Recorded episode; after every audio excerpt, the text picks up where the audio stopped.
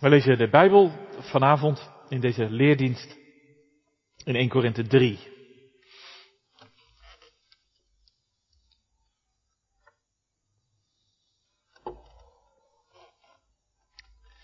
Dan schrijft Paulus aan de gemeente van Korinthe. En ik, broeders, ik kom tot u niet spreken als tot mensen die geestelijk zijn, maar als tot mensen die nog vleeselijk zijn, als tot jonge kinderen in Christus. Ik heb u met melk gevoed en niet met vast voedsel, want u kon dat nog niet verdragen. Ja, u kunt dat ook nu nog niet, want u bent nog vleeselijk. Als er immers onder u afgunst is en ruzie en tweedracht, bent u dan niet vleeselijk en wandelt u dan niet naar de mens? Want als iemand zegt, ik ben van Paulus, en een ander, ik ben van Apollos, bent u dan niet vleeselijk? Wie is Paulus dan? En wie is Apollos anders dan dienaren door wie u tot geloof gekomen bent? En dat zoals de Heer aan ieder van hen gegeven heeft. Ik heb geplant, Apollos heeft begoten, maar God heeft laten groeien. Dus is dan nog hij die plant iets, nog hij die begiet, maar God die laat groeien. En hij die plant en hij die begiet zijn één, maar ieder zal zijn eigen loon ontvangen overeenkomstig zijn eigen inspanning. Want Gods medearbeiders zijn wij, Gods akker en Gods bouwwerk bent u.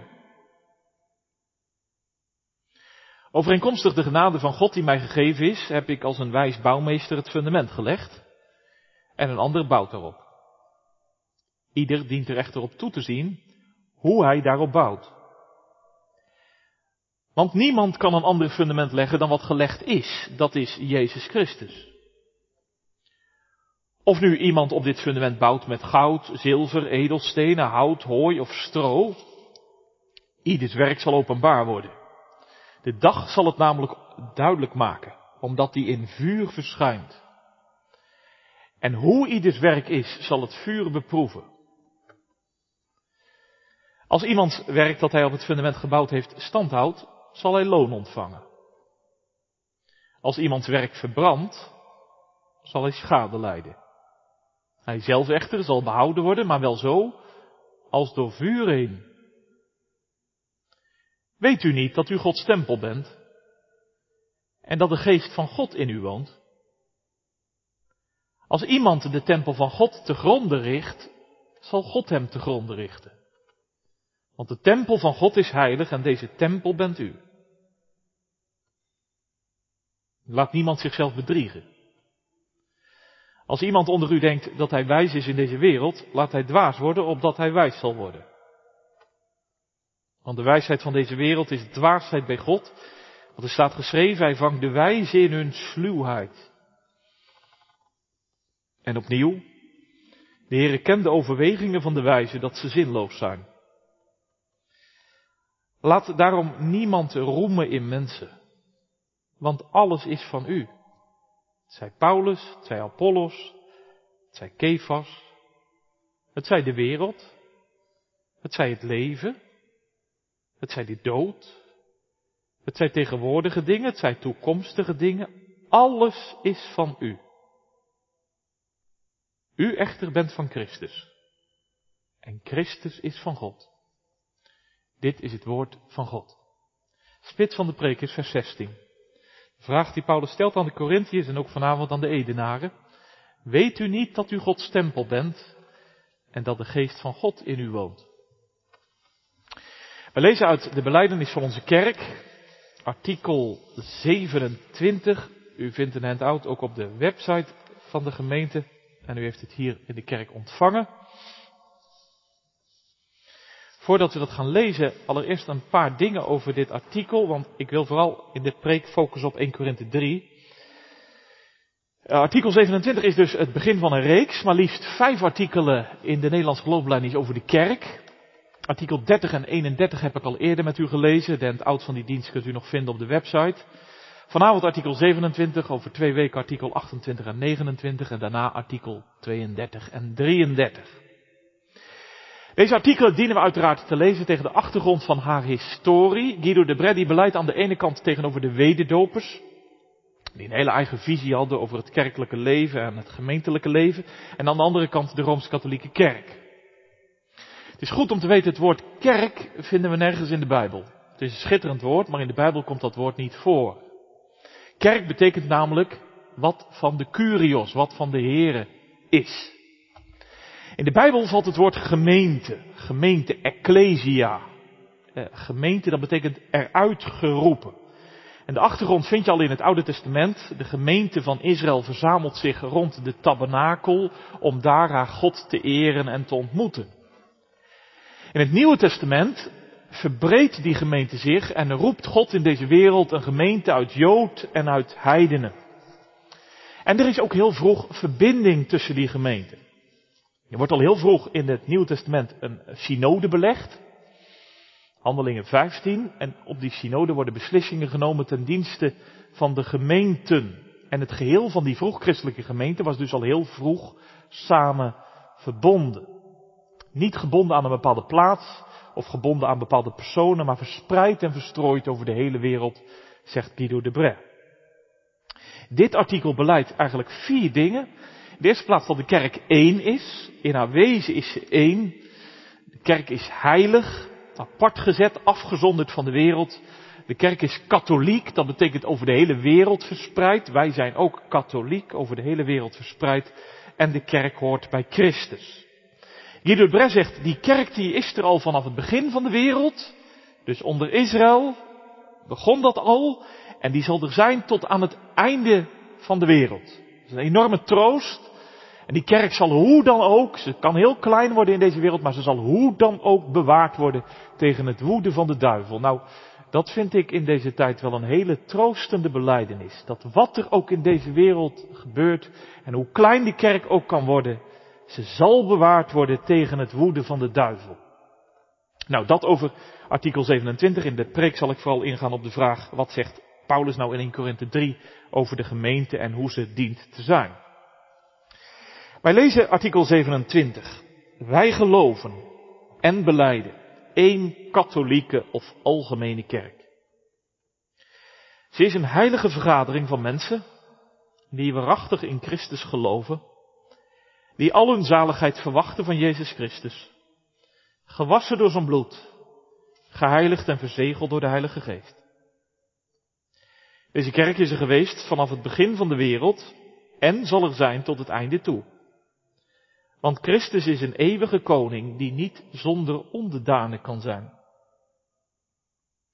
En deze heilige kerk wordt door God bewaard of staande gehouden tegen het woede van de hele wereld, Hoewel ze soms een tijd lang zeer klein en als tot niets schijnt te zijn geworden in de ogen van de mensen.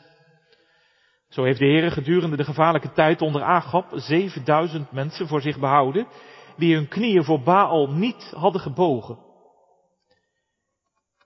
Ook is deze heilige kerk niet gelegen in, eh, gebonden aan of beperkt tot een bepaalde plaats of gebonden aan bepaalde personen maar ze is verspreid en verstrooid over de hele wereld. Toch is ze met hart en wil samengevoegd en verenigd in eenzelfde geest door de kracht van het geloof. Nou, dat die kerk niet hangt aan bepaalde personen, dat zal in de preek straks wel vooral duidelijk worden. Dat wil Paulus zeggen in 1 Korinthe 3. We zetten drie stappen in de preek. Waar woont God? De gemeente Paulus gebruikt daar drie beelden voor. De akker, een bouwwerk, een tempel. Om uit te lopen op die machtige beleidenis van Paulus aan het eind van 1 Korinthe 3. Alles is van u. Alles is van u. En er staat geen hoofdletter, maar een kleine letter. Dat gaan we zien wat dat te betekenen heeft. Schrijven boven de preek de kerk, werk van God drie-enig. De kerk, werk van God drie-enig. Weet u niet dat u Gods tempel bent en dat de geest van God in u woont? De kerk werk van God drieënig. Ja, gemeente hier en ook thuis. Waar woont God? Vraag het aan een kind. Het kind wijst naar boven. In de hemel, daar woont God. Vraag dan een vrome Israëliet in de tijd van het Oude Testament. Hij wijst naar Jeruzalem. In de tempel, daar woont God. Vraag dan Paulus. Hij wijst naar u. In de gemeente. Daar woont Gods geest. In de gemeente, daar woont Gods geest. Ja, daar moet je vast even van bijkomen, wees eerlijk. God woont dus niet in een kerkgebouw, niet in een kathedraal, niet in een basiliek, hoewel ik van zulke gebouwen echt houd. God woont niet meer in een tempel van hout, goud of steen. De tempeldienst is immers gescheurd, uh, vervuld en het voorhangsel is gescheurd. God heeft geen aardse woning meer. Maar wacht, God woont nog steeds onder ons. Gods geest woont in zijn gemeente. Dat zegt Paulus. Hij zegt, weet u niet dat u Gods tempel bent? Dat de geest van God in u woont. Ja, ik geef toe, daarbij voelen wij vandaag wel pijn. Want als u van achter uw laptop of van achter een kerkradio om u heen kijkt, ja, verder dan de muren van uw huis kunt u niet kijken. U heeft er hopelijk wel een voorstelling van hoe het was toen we hier met elkaar in de oude kerk samenkwamen. En ik hoop ook dat het spoedig weer kan, het lijkt er niet op, maar goed. Want ook Paulus die wil dat deze brief natuurlijk in de samenkomst van de gemeente wordt voorgelezen en dat de gemeente om zich heen kijkt en ontdekt. Weet u niet dat u Gods tempel bent, dat de geest van God in u woont? De gemeente van Christus is de tempel waar Gods geest in woont. Hoe die gemeente ook samenkomt, waar die gemeente ook samenkomt, onder een boom of onder een brug, in een krot of in een kerk, in een magazijn of in een woonkamer. De gemeente is de tempel van God. Daar woont Gods geest. Ja, dat het vandaag dan zo moet, dat doet ons wel zeer. Want met een laptop achter een beeldscherm, ja, we, we helpen ons er natuurlijk mee. Elke zondag opnieuw, omdat het niet anders kan. Maar in het samenkomen krijgt de gemeente juist gestalte. Daarom is dat samenkomen van de gemeente eigenlijk ook onmisbaar, toch? Ja, zeg je misschien, maar ik zit nog een beetje bij te komen, want de gemeente van Ede, de gemeente rond de oude kerk, is dat dan ook de tempel van God? Jazeker. Waar we samen luisteren naar het woord. Waar we samen bidden tot God. Waar we samen zingen als het weer kan. Waar we samen kijken naar het doopvond. Waar we samen schuiven aan de avondmaalstafel, zodra het weer mogelijk is. Daar woont God. Want weet u niet dat u Gods tempel bent? Dat de geest van God in u woont? Dat zegt Paulus. Nee, hij bedoelt het in 1 Korinthe 3 dus niet zozeer individueel. Zoals verderop in deze brief, dan zegt hij in 1 Korinthe 6, hij zegt, jouw lichaam is een tempel van God hoor. Hou er rekening mee, jouw lichaam is een tempel van God. En wie dat lichaam, die tempel van God schendt, nou die zal God schenden. Kijk uit wat je met je lichaam allemaal doet. Maar hier bedoelt Paulus de gemeente als een totaliteit. Hij zegt, weten jullie niet dat jullie Gods tempel zijn, dat de geest van God in jullie woont? Hoe kan Paulus dat zeggen? Ja, Paulus is in Korinthe gekomen, handelingen 18, kun je het nalezen. Er is een gemeente ontstaan, het evangelie kwam binnen. De geest raakte hen aan, de geest bracht hen samen rond het evangelie van Jezus. En God nam zijn intrek in de gemeente van Korinthe. Hij is erin gaan wonen. Nou, hoe zeg je, dat moet dan wel een hele mooie gemeente zijn. Dat is zeker een gemeente die het heel goed met elkaar kan vinden. Geen gedoe onderling, geen dingen die stroef gaan, geen zaken die de gemeente verdelen. Dat zal er in Korinthe wel mooi uitzien. Denk je?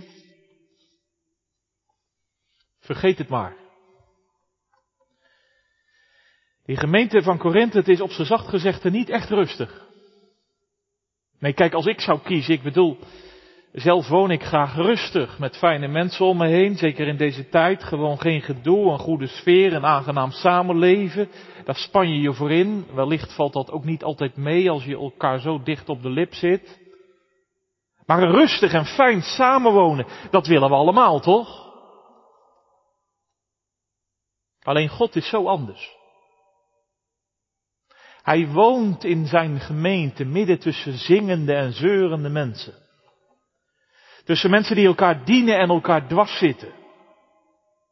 Daar woont Gods geest. Want die geest van God, dat is de geest van Christus. En Jezus Christus,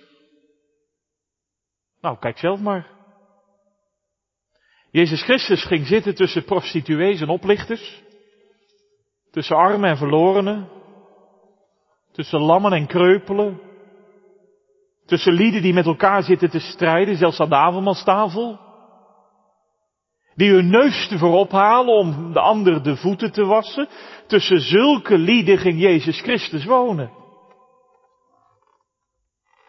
Een theoloog zegt daarom bij deze tekst, als God het om een rustige woning te doen was, dan. Maar die rust zoekt hij niet. Hij woont in zijn gemeente. In zijn gemeente.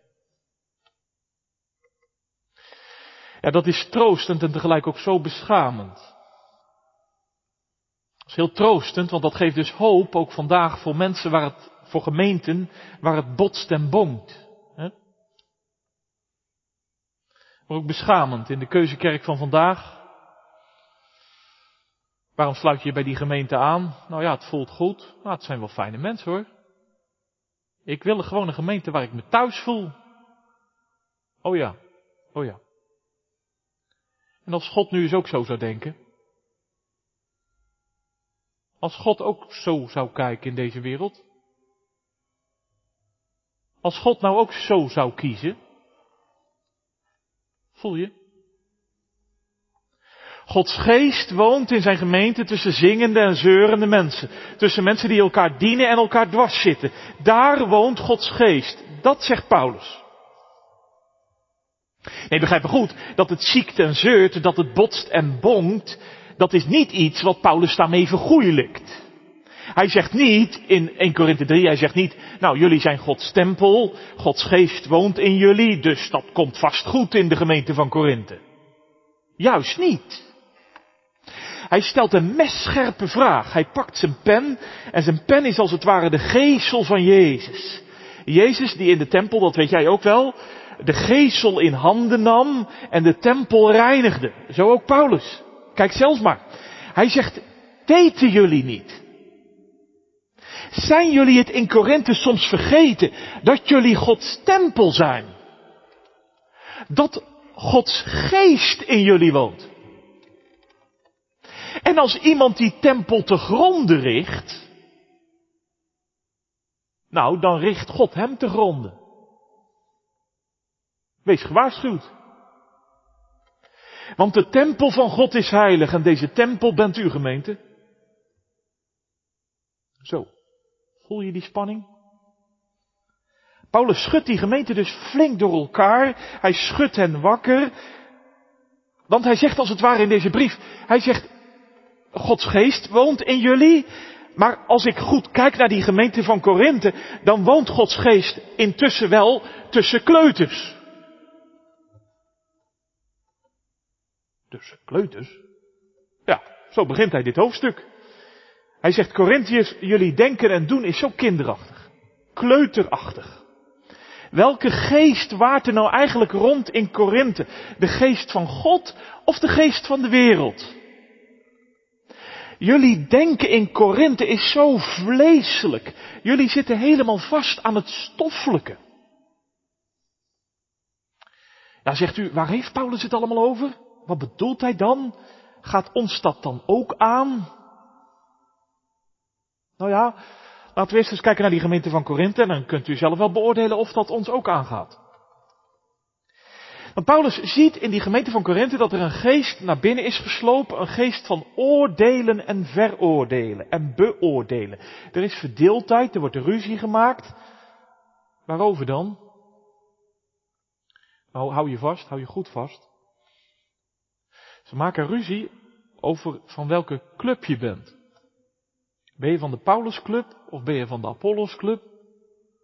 Of ben je van de Kefasclub of ben je van de...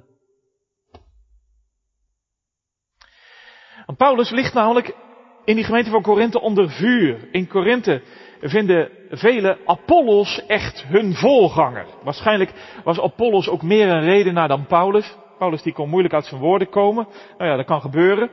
Maar in Korinthe, daar maken ze er ruzie over. Ze oordelen en beoordelen. Ze zitten vast aan het stoffelijke. Aan het stoffelijke, ja.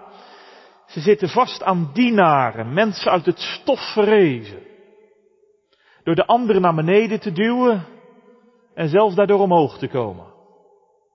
Door zichzelf groter te maken en anderen kleiner te maken. En het gevolg in de gemeente is jaloezie en afgunst.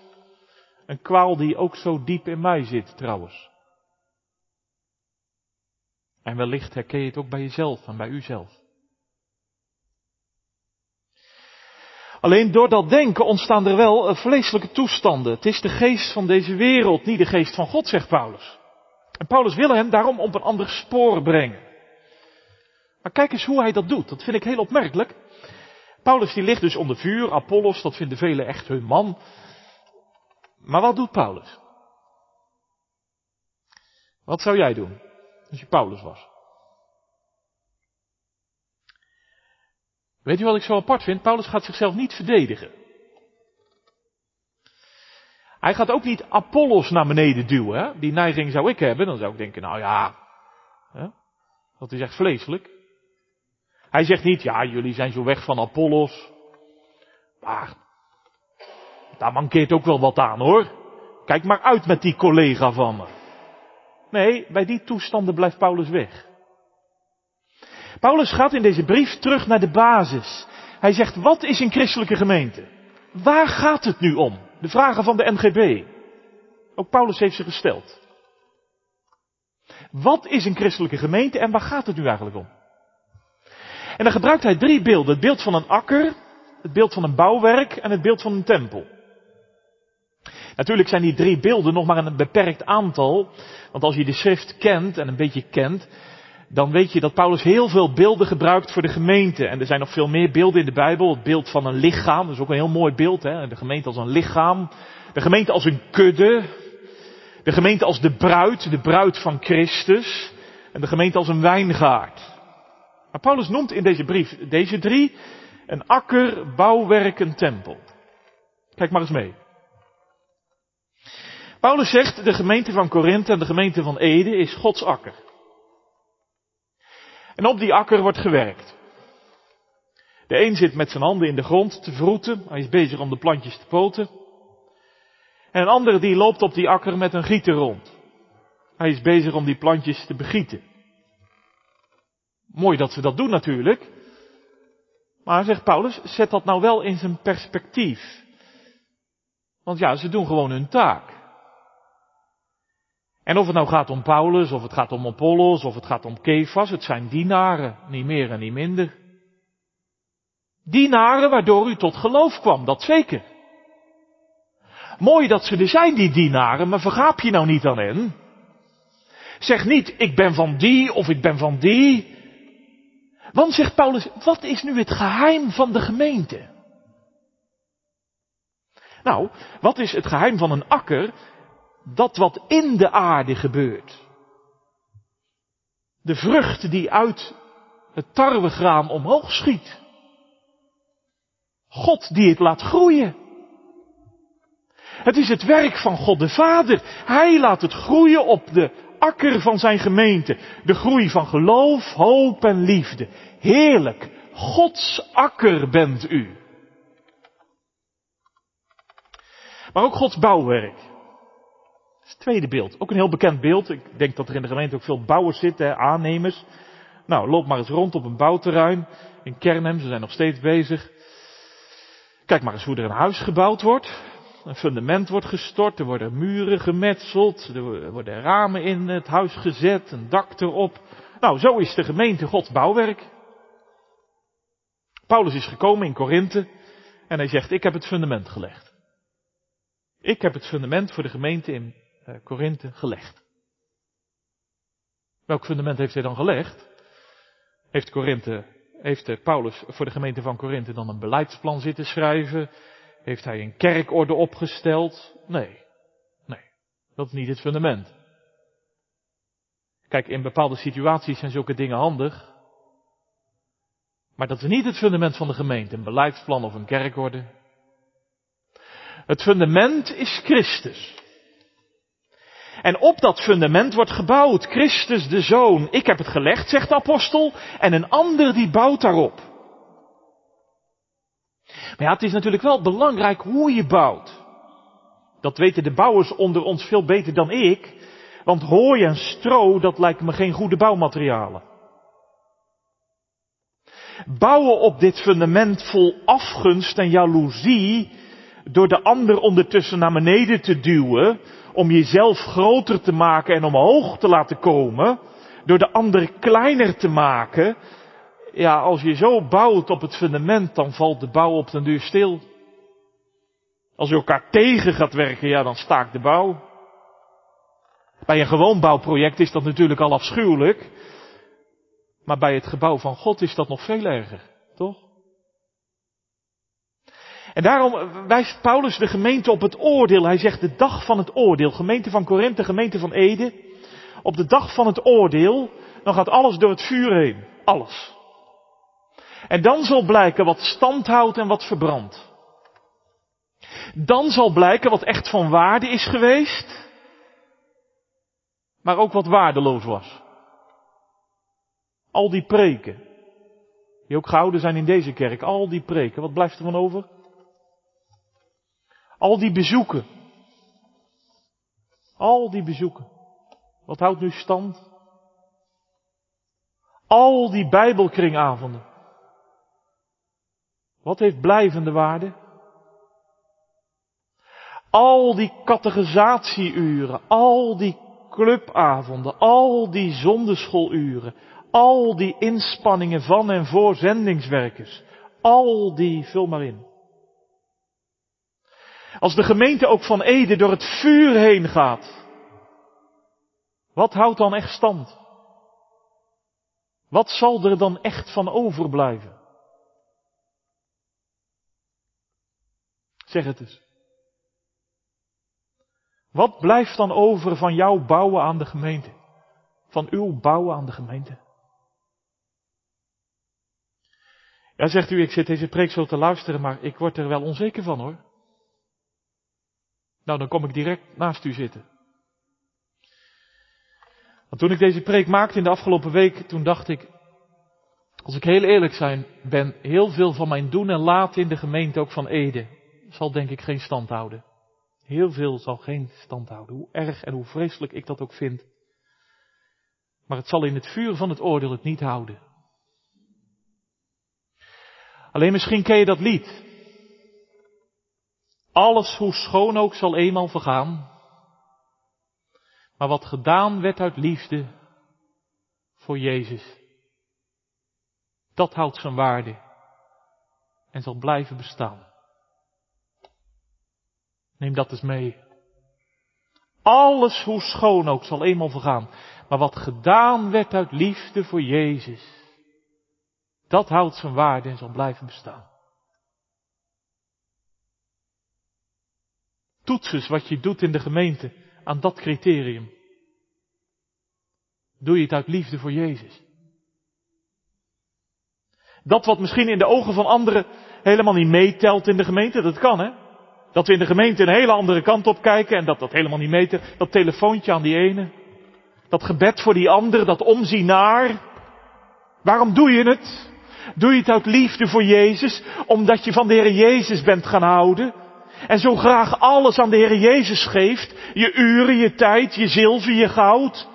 Want zeg nu zelf, dat God oordeelt over je bouwactiviteit op het fundament van Christus, dat is aan de ene kant heel beklemmend, maar tegelijk ook zo bevrijdend, toch? Kijk, voor Paulus is dat een echte bevrijding. Anders had Paulus het nooit volgehouden in zijn apostelschap. Ik bedoel dit.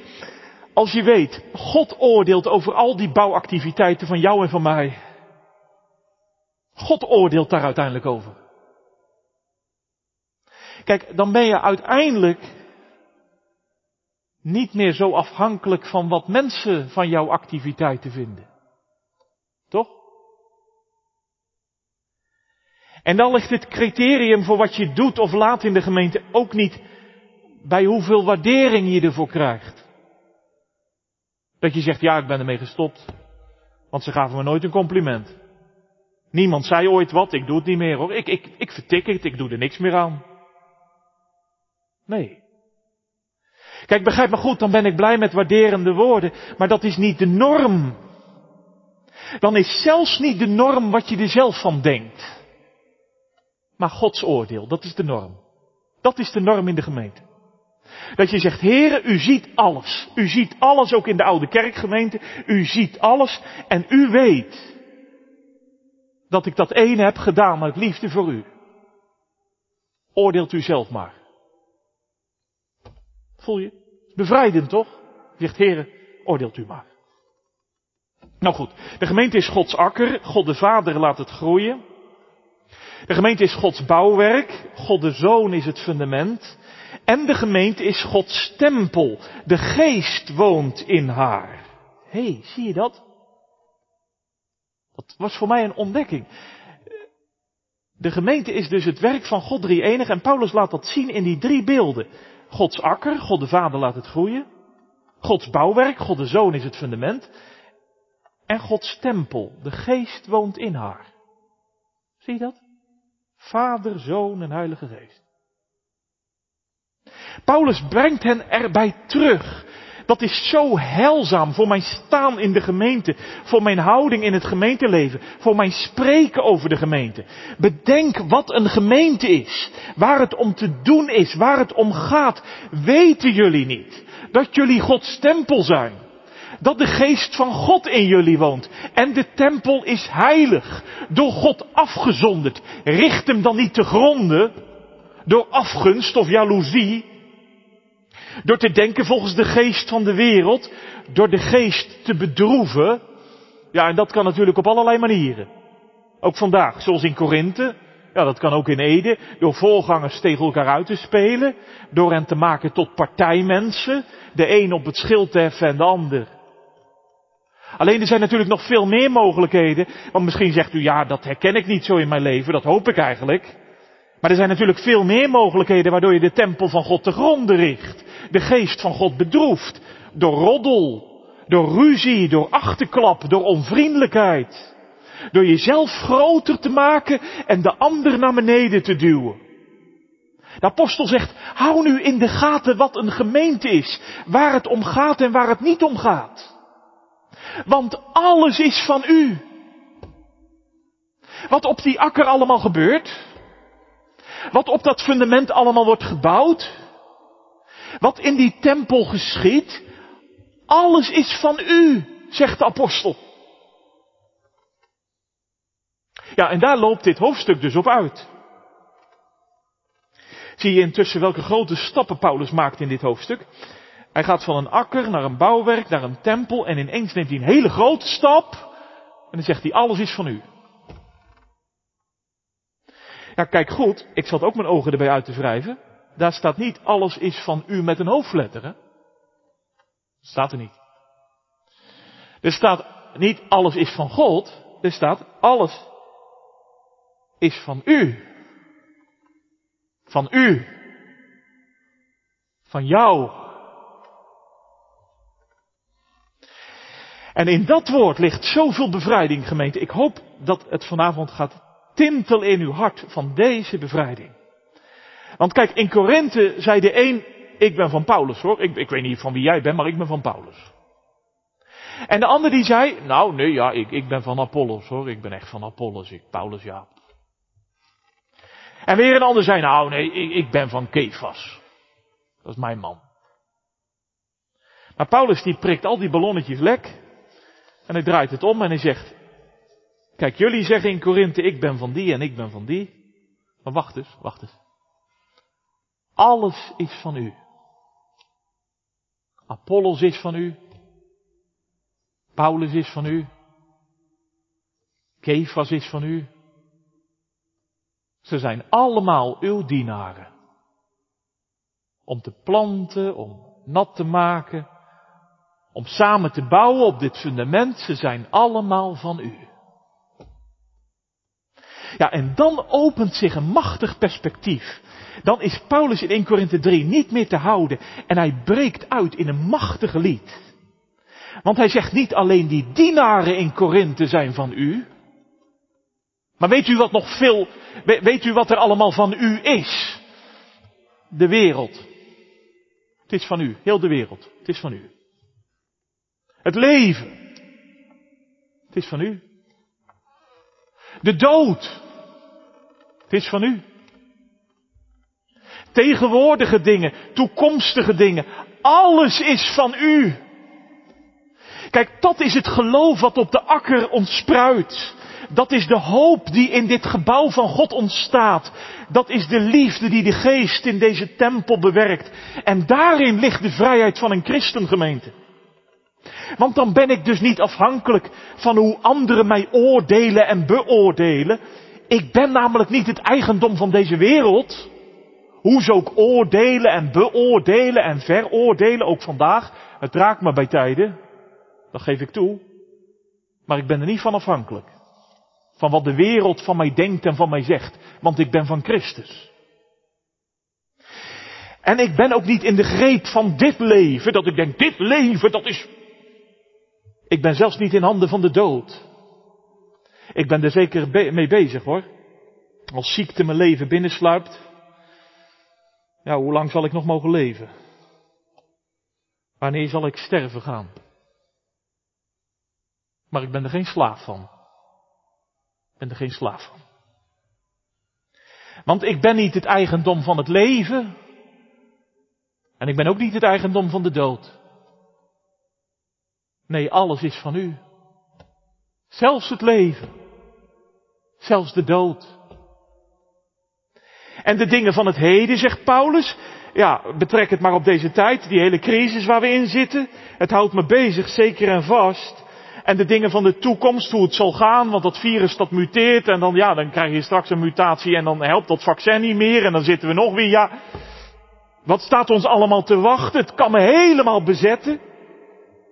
Maar het hoeft niet. Het hoeft niet. De toekomst hoeft me geen angst aan te jagen. Het verleden hoeft me niet te verlammen. En het heden hoeft me niet neer te drukken. Want hoor eens, Paulus die zingt het uit en hij zegt tegen de gemeente, alles is van u. En u bent van Christus. En Christus is van God. Wat een woorden, hè, juist vandaag. Gemeente, dat vind ik zo mooi dat we juist vandaag dit mo moeten lezen en mogen lezen. En mogen leren. Want dit zijn nu woorden om deze week helemaal in weg te zinken. Om deze week bij alles wat op uw pad komt, ik weet niet wat er allemaal op uw pad komt en op mijn pad komt. Als je wandelt hier door Ede. Als je kijkt naar alles om je heen, alles is van u. Als je in gesprek bent met anderen. Als je denkt aan je leven, als je denkt aan je dood. Als je denkt aan het heden, als je denkt aan de toekomst. Alles is van u.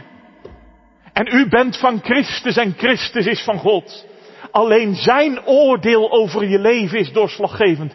Ik las een preek over deze tekst. En die dominee die zei, dat vond ik zo mooi, die zegt, het is als het ware een meisje die op het schoolplein geplaagd wordt. En opeens komt zijn broertje en die zegt, ze is van mij. Ze is van mij. Ze hoort bij mij. Zo. Zo zegt Paulus tegen de gemeente van Korinthe.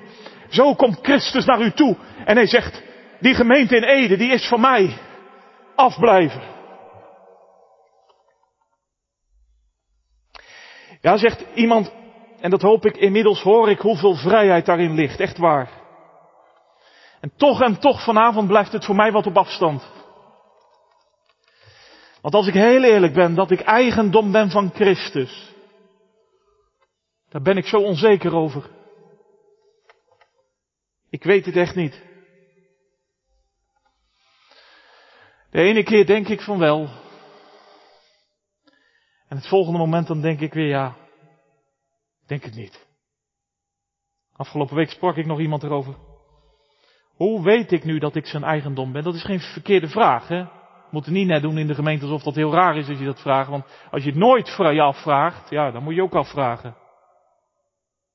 Een goede vraag. Hoe weet ik nou dat ik zijn eigendom? Hoe kom ik nou te staan in die vrijheid? Wacht eens, wacht eens.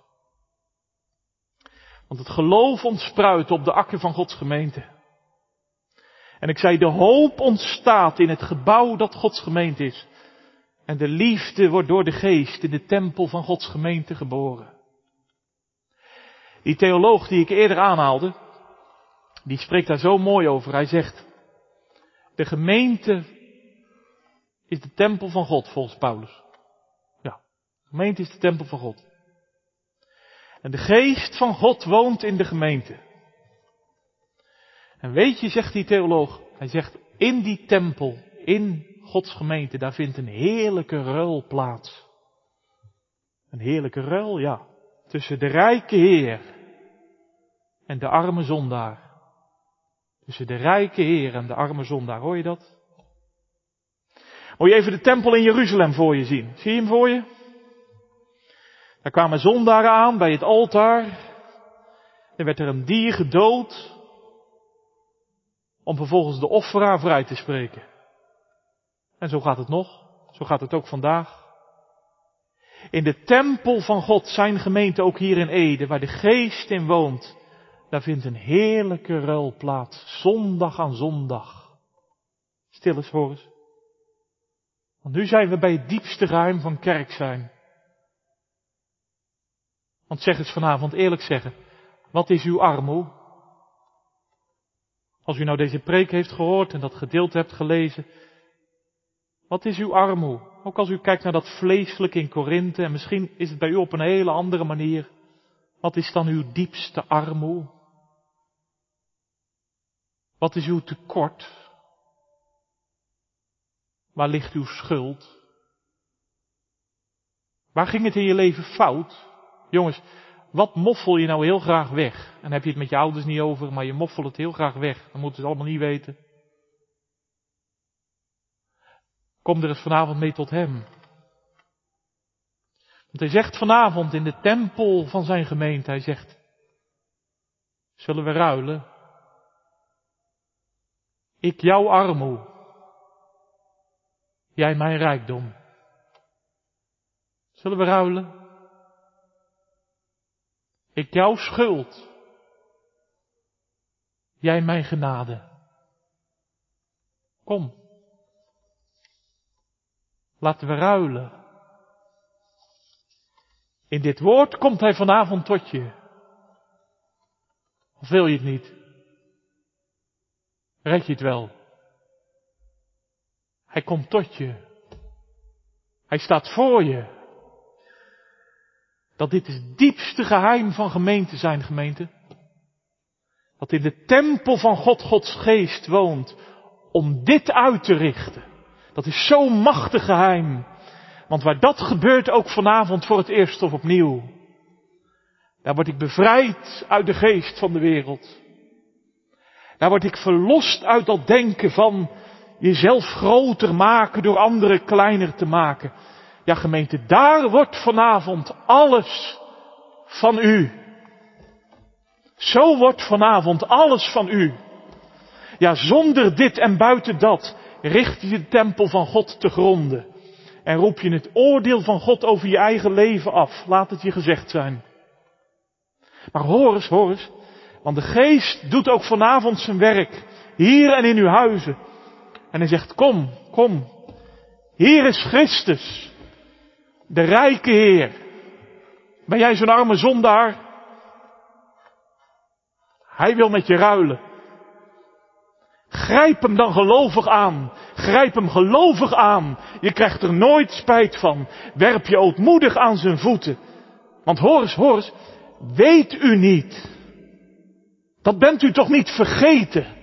Gemeente van Ede, weet u niet. Dat u de tempel van God bent.